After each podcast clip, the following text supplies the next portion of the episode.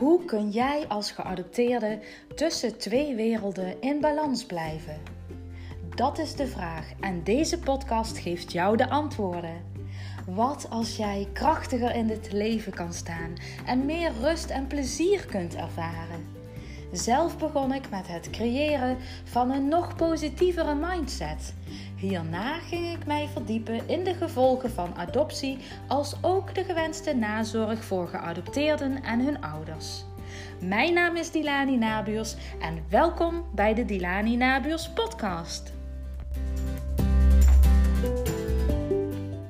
Hey, hallo, wat leuk dat je weer luistert. Deze aflevering ga ik dieper in op het trauma van verlating en adoptie. Momenteel lees ik het boek van Nancy Verrier. Zij is adoptiemoeder en traumapsychologe. En ja, ik haal zoveel informatie en uh, kennis uit haar boek dat ik toch af en toe met jullie um, een en ander wil blijven delen hieruit. Um, ja, omdat ik mijn gevoelens zelf ook nog beter kan plaatsen omtrent mijn adoptie bijvoorbeeld. En ja, het is natuurlijk aan jezelf wat je hiermee doet. Want ja, het vergt natuurlijk wel behoorlijk veel kracht en energie om je problemen en of angsten aan te durven kijken. Hè? Om hiermee ook dan daadwerkelijk mee aan de slag te willen gaan. En um, uit eigen ervaring kan ik wel vertellen dat dit zeker de moeite waard is. Um, als je hier ook de wilskracht en de energie voor hebt. Want het kan soms best wel wat met je doen. Hè? Dat zie ik bij mezelf, maar ook bij andere uh, geadopteerden die um, ja, toch wel flink ook aan de gang en aan de slag zijn gegaan met hun adoptie, met hun gevoelens. Um, en ja, dat kan natuurlijk wel wat met je doen. Ik zie het ook bij niet geadopteerde mensen. He, zoals de meeste van jullie weten, lees ik het boek van Gabby Bernstein. Met um, een aantal hele mooie, lieve dames. Uh, hieruit is vanaf het begin ook een appgroepje ontstaan. En uh, ja, dit is zo bijzonder. We ervaren dit ook allemaal uh, zo. Um, ja, als zo fijn. Want we, we zijn gewoon heel openhartig naar elkaar toe geworden. Ondanks dat we elkaar bijna allemaal niet kenden in het begin. En um, ja, toch zo uh, openhartig durfden te zijn. En ons gewoon kwetsbaar op durfden te stellen. Hè? Ook steeds meer. Uh, daardoor gingen we elkaar dus ook meer ondersteunen. En ja, konden we elkaar ook nieuwe inzichten geven. Met betrekking tot werk of relaties of ja, iets waar je zelf nog mee, mee zat. Hè? Iets vanuit het verleden. Uh, wat bepaalde dames dan ook nog niet goed verwerkt hadden, bijvoorbeeld. En um, ja, dat brengt je dan zoveel. En um, ja, um, heel erg mooi. En wat het boek ook aangeeft, hè, wat ook eigenlijk het doel is van het boek, is dat je dus door middel van kleine veranderingen bij jezelf, hè, dus bewustzijn is dan uh, vaak het eerste uh, belangrijke om uh, te kijken van hè, wat, wat gebeurt hier nu? Hè, wat zijn mijn conditioneringen? Wat heb ik altijd al gedacht of uh, gevoeld? En dat je daarmee dus ook dan aan de slag gaat. En daardoor gaat dan ook vaak jouw omgeving weer mee veranderen. Hè? Dat rimpelt dan vaak door, zoals ze mooi zeggen. Denk maar eens aan um, als je bijvoorbeeld een ruimte inkomt, uh, hè, waar dan um, als je op een feestje bent of op bezoek of op je werk, hè, dat daar dan een collega zit of iemand uh, ergens anders en die is neerslachtig of die is een beetje chagrijnig, dan hangt er toch een bepaalde energie om die persoon hè, in de ruimte. En um, dat kan ook weer invloed hebben op jou. Maar hoe ga jij daarmee om? Het, het kan weer verschil uitmaken of jij daar dan uh, in meegaat of dat je dan um, ja, toch uh, vrolijk verder gaat of vrolijk aan je werk begint. Dit kan dan ook weer effect hebben op die andere persoon. Nou, dus dat is het mooie um, aan dit boek ook. Hè. Je gaat eerst je angsten aankijken en dan um, onderzoeken waar die angsten vandaan komen. En ja, dan ga je dus ook kijken hoe je kun, kunt shiften, hoe je die angsten om kunt gaan zetten. En um, ja, daarna komen ook onderwerpen als dankbaarheid en uh, vergeving bijvoorbeeld aan bod. Nou, je kunt je voorstellen dat je dan behoorlijk diep kunt gaan. Hè? Op een moment als iemand nog uh, ja, wrok of verbittering voelt of iets gewoon echt nog niet goed heeft kunnen verwerken. sommigen zijn al ehm, een paar jaar bezig om intens heftige gebeurtenissen te verwerken. en dan blijkt toch dat het nog niet helemaal lekker zit, of dat er toch nog werk te doen valt, hè? dat er toch nog meer valt te winnen. En het is zo prachtig om te zien als dit dan uiteindelijk ook lukt. En dat je elkaar hier ook gewoon bij kan ondersteunen. Dus um, nou, dit, dit vinden wij allemaal een hele mooie ervaring. En uh, ik ben ook heel blij uh, en dankbaar dat ik deze lieve dames heb mogen leren kennen. Maar om even terug te komen op het trauma van verlating en adoptie. Um, in het boek van Nancy. Um, wordt bijvoorbeeld ook Donald Winnicott benoemd. En deze man heeft veel bijgedragen aan het begrip van de diepgaande relatie tussen moeder en kind. Hij stelt zelfs dat um, moeder en kind in feite één wezen zijn voor, tijdens en ook vlak na de geboorte. Hè, dus op het moment dat een baby of een klein kindje wordt afgestaan, dan zijn ehm, moeder en kind wel fysiek gescheiden. Maar psychologisch gezien, zegt Donald, nog uh, in feite één wezen. Het is, dus ook van, uh, het is dus ook onnodig om te zeggen dat het van gewelddadig belang is voor het kind dat meteen bij de geboorte of vlak daarna uh, bij zijn of haar, haar moeder is weggehaald. En ik haal dit even aan omdat wij natuurlijk altijd vanuit het belang van het kind willen en moeten handelen. Dat zie je ook als, als uh, ouders gaan scheiden. Bijvoorbeeld wordt er altijd gekeken naar het belang van het kind. Terecht, want het is ook zeer belangrijk. Um, maar ja, in deze situatie van uh, adoptie is het dus misschien wel um, reëel om toch eens even goed um, onszelf af te vragen of het ook altijd in het belang is van het kind. Hè? Want ja, je hoort natuurlijk vaak um, dat, dat, de, dat de moeder of de ouders uh, te arm waren, hè? of welke redenen er ook waren om het kindje af te staan. Um, wat je ook heel mooi terugleest in het boek van Nancy is dat hoezeer een moeder een kind ook gewild heeft, en om welke begrijpelijke redenen het kindje ook is afgestaan, hè, welke ja, begrijpelijke redenen er ook geweest zijn, zoals armoede, wat we vaak terug horen. Het kind beleeft deze scheiding als verlating, hoe dan ook. Nou ja, en zelf herken ik het ook wel als ik dit lees, hè, ondanks um, alle beste bedoelingen van iedereen en alle liefdevolle intenties, hè, ook van mijn Nederlandse ouders, die altijd goed en liefdevol voor mij gezorgd hebben. Um, ja, op een moment dat ik natuurlijk terugdenk aan het feit dat ik uh, ben afgestaan, voelt het toch wel altijd als een soort van in de steek gelaten te zijn door mijn eigen oorspronkelijke ouders. Hè, welke reden daar ook voor is geweest. Het, het, is, het gaat natuurlijk ook om het gevoel dat je dan als uh, geadopteerd kind um, ja, meemaakt of ervaart. Hè? Dus um, ja, en ook op het moment dat je dan zelf bijvoorbeeld uh, in verwachting raakt, hè? dat je zelf kindjes krijgt. Uh, wat doet dit dan ook met je? Hè? Bijvoorbeeld, um, bij mij kwamen dan ook weer vragen opnieuw omhoog, maar ook weer nieuwe vragen. Zoals, uh, hoe is eigenlijk de, de zwangerschap bij mijn moeder verlopen toen ik in haar buik zat? Of waar ben ik dan precies um, hè, ter wereld gekomen? Of hoe is de bevalling gegaan? Is die moeiteloos gegaan? Of helemaal niet? En um, nou, gelukkig heb ik mijn eigen zwangerschap als heel prettig uh, ervaren. Ik was ook echt heel gelukkig. En um, nou, mensen zeiden ook, je ziet er stralend uit. En ja, zo voelde ik me ook. Hè, ondanks dat die vragen af en toe naar boven kwamen of uh, bepaalde gevoelens daarbij. Um, ik kan het me niet meer heel erg goed herinneren dat ik dan ook echt heel verdrietig was. Maar dat zal uh, vast en zeker wel af en toe het geval zijn geweest. Uh, maar niet zodanig dus dat ik er echt heel veel last of moeilijkheden mee heb gehad. En ik ben gelukkig ook wel een heel positief ingestelde persoon.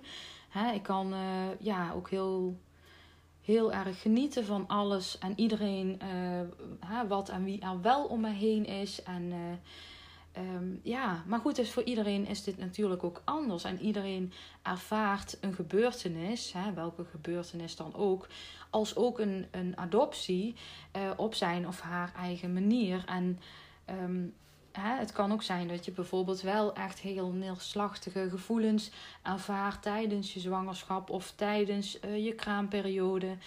Uh, of dat je dan toch wel heel veel verdriet hebt om wat er met jezelf is gebeurd.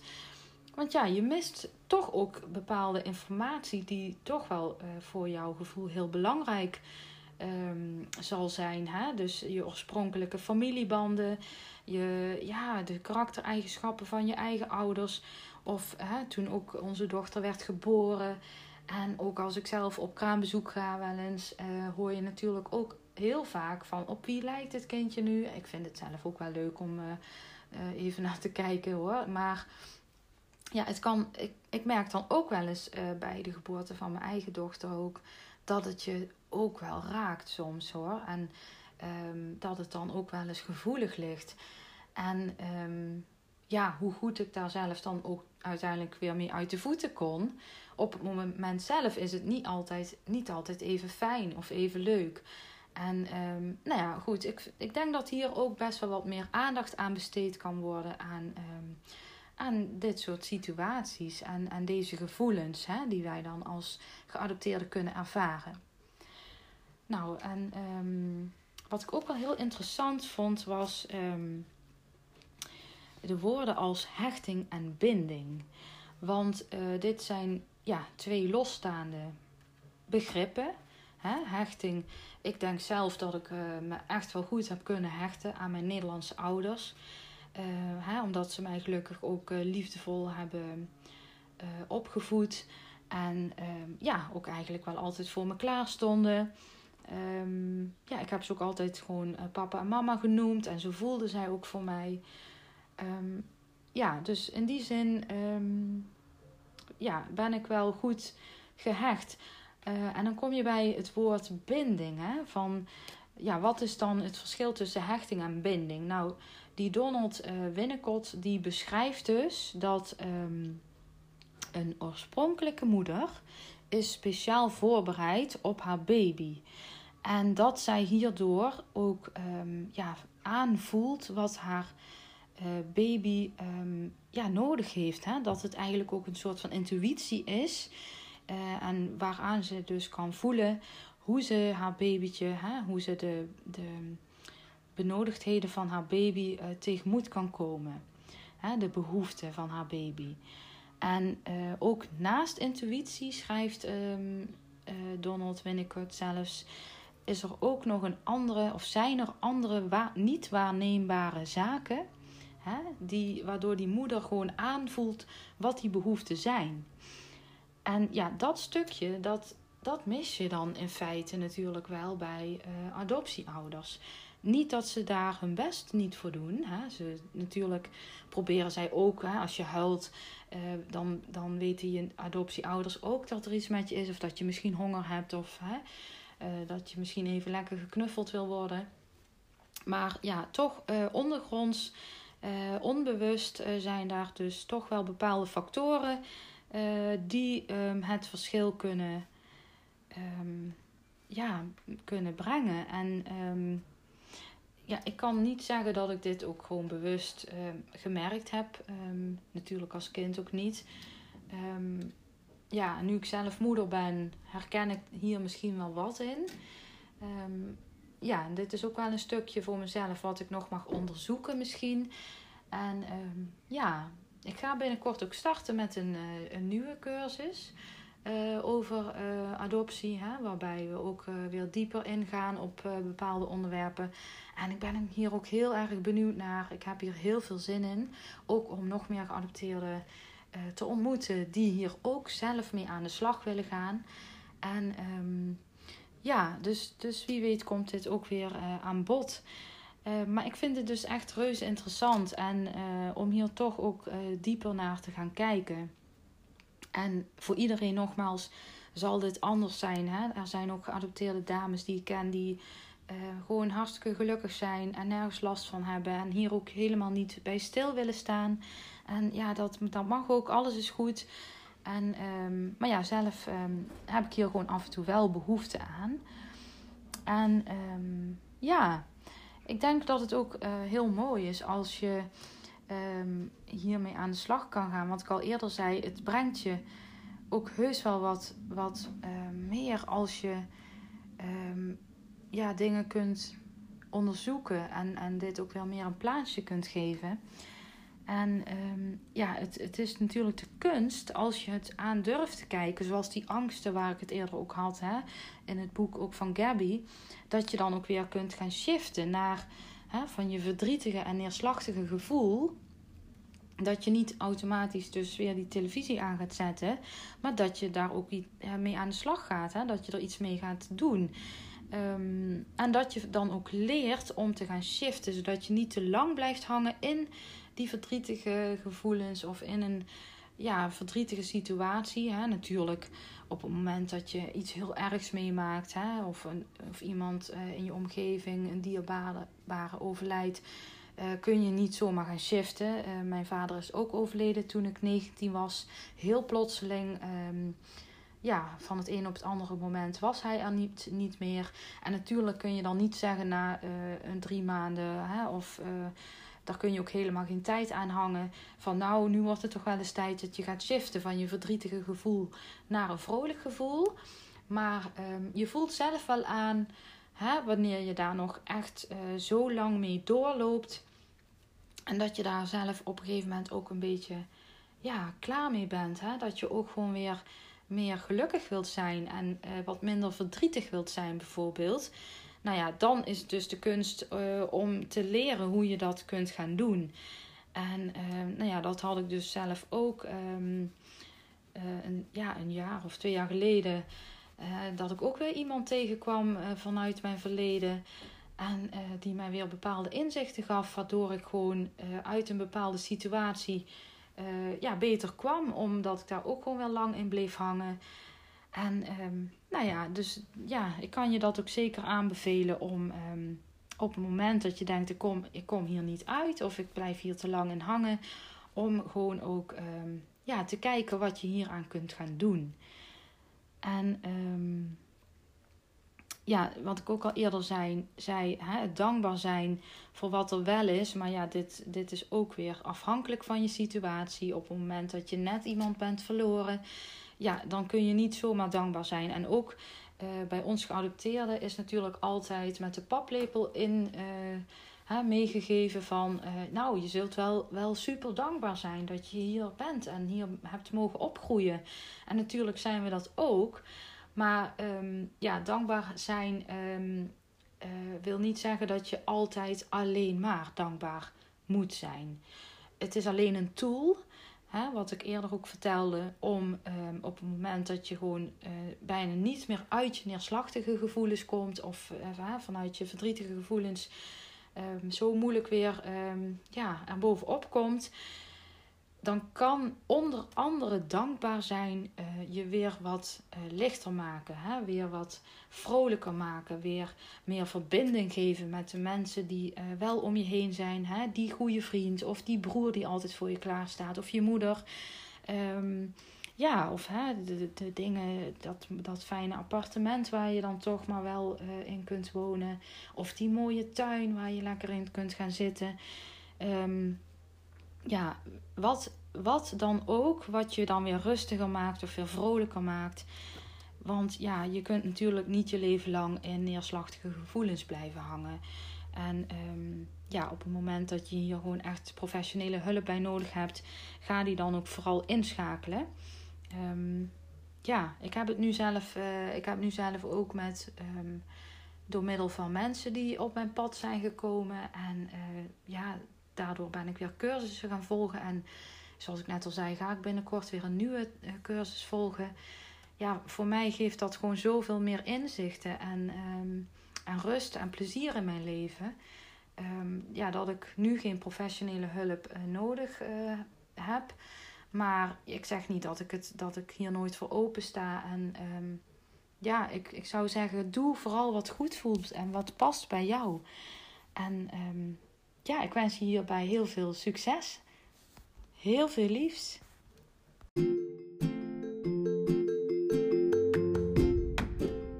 Hartstikke bedankt voor het luisteren. En mocht je iets terug willen doen voor alle gratis content die je van mij ontvangt, dan waardeer ik het enorm als je deze aflevering deelt in jouw stories en mij even tagt. Zodat ook andere personen kunnen gaan genieten van meer rust en plezier in hun leven. Ik hoop dat ik je weer meer inzichten heb kunnen geven. En mocht je nog vragen hebben over deze aflevering of weet je zelf een mooi aansluitend onderwerp waar je graag meer over wil weten, stuur me dan gerust een berichtje op Facebook of Instagram. Tot de volgende keer. Liefs Dilani.